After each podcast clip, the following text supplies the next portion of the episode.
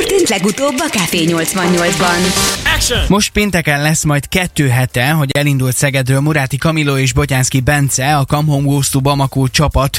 Folyamatosan hívjuk őket, és reméljük, hogy, hogy halljuk majd a hangjukat. Közben pedig itt van velünk a stúdióban Apáti Bálint és Neduca Radiszláv, akik kettő éve csinálták meg ugyanezt a Így túrát. van, sziasztok, sziasztok, egyszer. jó reggelt mindenkinek. Ö, hogy néz ki ez az eligazítás ilyenkor reggel? Mi történik egyáltalán egy csapattal, hogyha ha most épp úton vannak? Kezdjük ott, hogyha beértél a bivakba vagy a táborba, akkor, akkor az már egy tök jó dolog. Általában azért mi is egy kicsit késve, szóval a csapatok össze-vissza, mondjuk este 10 órától hajnal 2-3-ig minél gyorsabban találod meg azt a pontot, ahol a tábor van, gyakorlatilag annál több időt marad a pihenésre és a következő napra felkészülésre. A reggel olyan 6 óra magasságában maga a szervező, ugye ők tartanak eligazítást, elmondják a csapatoknak, hogy mi lesz a következő napi etap, és milyen veszélyekre kell felhívni, vagy a, odafigyelni. Ja, tehát ezt ti előre nem tudjátok, hogy milyen szakaszokat mentek? A, vagy? a, kapsz, kapsz egy könyvet, szóval van ugye egy, egy könyved, amiben egy egész részletesen le van írva minden az útvonal mentén, de azért minden reggel kifejezetten felhívják a figyelmet. Voltunk olyan helyen, nem is tudom, hogy mi volt az, amikor mondták, hogy ha átmegy a másik határon, akkor gyakorlatilag biztos, hogy le fognak csukni, és tudja, hogy lehet, hogy fél évig vagy egy évig. Azt hiszem, szenegáli határ volt. igen, kifejezetten felhívják ilyenkor a figyelmet, hogy, hogy merre térjél le az útról, mennyire mehetsz le az útról, vannak, ahol taposóaknák vannak telepítve. Nyilván ilyen, ilyen részeket, ezeket a szervezők részletesen elmondják, úgyhogy fel tudsz készülni, elmondják, hogy mennyi vizet kell magaddal vinni feltehetőleg ab, abba az etapban mondjuk, ahol már olyan részen vagy, hogy sivatagos, ott fejenként napi mondjuk 10 liter víz vagy védőital legyen nálad, és azt is elmondják, hogy biztonsági tartaléknak, hogyha bajba kerülsz, mondjuk egy-két napra leragadsz, vagy homokviharba kerülsz, ahogy mi kerültünk, akkor, akkor érdemes azért ezt a folyadék mennyiséget megduplázni.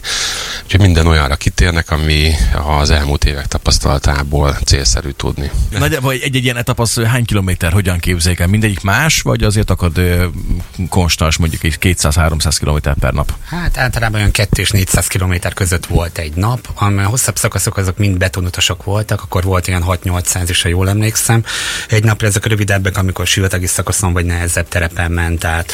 Itt beszéltük pont, hogy azt hiszem a legrosszabb szakasz az az volt, amikor 13 óra hosszal alatt mentünk egy olyan 300 kilométert. Atyaik! Úttalan utakon gondolom, meg a dűnéken keresztül. Hát, ezek, ezek, igen, igen. Ezek úttalan utakon, ahogy korábban a szünetben mondtam, azt hiszem Gánába, Gínea, Gínea, Gínea. mindig összekeverem a kettőt.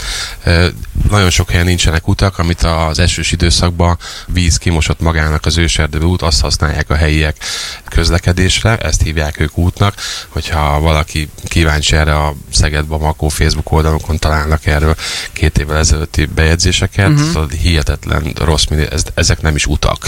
Volt-e térerő? Milyen megoldásokhoz nyúltatok, hogy ott vettetek el valamilyen szimkártyát, amivel esetleg neten keresztül tudtatok kommunikálni, vagy, vagy rendes telefonon hívtatok, vagy, vagy műholdas, vagy milyen opciók vannak egyáltalán, amikor tudsz kapcsolatot tartani az itthoniakkal? Minden országba vettünk magunknak a aktuális szimkártyát, és ott próbáltuk neten tartani a családdal a kapcsolatot. Én jól emlékszem, majdnem minden nap, vagy legalábbis minden másnap tudtunk beszélni uh-huh. velük. Volt nálunk műoldas telefon is, de én úgy emlékszem, nem hogy tudtunk használni nem egyszer használtuk. Nem tudtuk használni. Nem tudtuk használni? Nem, nem, mert jó drágán megvettük, és szokásos. van egy darab ilyenünk, ha valaki érdeklődik. Tehát igazából nem a világ vége, azért Afrika ezen pontja, tehát működnek a, a kommunikációs vonal igen, teljes felé. mértékben azt tudom Kivétel ma, ugye ezek szerint. Hát nyilván most reggel, persze. Nem, Kamiló, azért, azért az internetnek a minősége az, az teljesen hihető, és a telefon is, hogy, hogy rossz a lefedettség jelenleg, de hogyha most napi 24 órát veszünk, akkor azért biztos, hogy fog benne találni olyan pontot, amikor a családját föl tudja hívni, és pontos tájékoztatást tud adni. Összességében szerintem jól le van fedve. Nektek bármiféle információtok van különben a srácokról beszéltetek, vagy beszéltek velük? Hát én tegnap este Kamilóval tudtam beszélni egy ilyen 8-10 percet, ilyen szaggatott, nem szaggatott, szaggatott, nem szaggatott. Teljesen jól vannak, hogy most előzetesen spoilerezzek, és hogyha véletlenül sikerül velük Nyugodtan, beszélni. mert, mert nem tudjuk, hogy elérjük-e őket, tehát Szóval úgy tudom, hogy ugye átmentek Mauritánián, passzolták Noasottot, az nagyon tetszett nekik. Azt hiszem Szenegált is sikerült nekik átmenni, egy kicsit buckáztak. Gyakorlatilag ott a Bence, azt hiszem beverte a fejét az autóba, egy kicsit megütötték magukat, de összességében a futóművük elállítódott. Amúgy minden jó. Szóval nem, nem egy nagy fejsérülés kell most gondolni, csak úgy mondták, hogy buckálás közben kicsit megütötték a fejüket.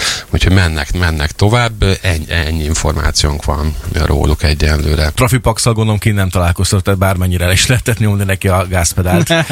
Vagy volt bármiféle rendőri atrocitás? Hát Menet közben? volt rendőri persze, tehát ott Tényleg? Kértek valami kis ajándékot tőlünk, vagy pénzzel leúzni, aztán a legemlékezetesebb az Gíneában volt, amikor éjszaka három nagy darab gépfegyveres megállított, és mondta, hogy 50 euró lesz. Kérdeztük, hogy miért, azért, mert én papucsba vezetek, és az nem biztonságos. Kérdezte Bálint tőlük, hogy ott négyen mennek azon a robogón, az nem probléma, az biztonságos.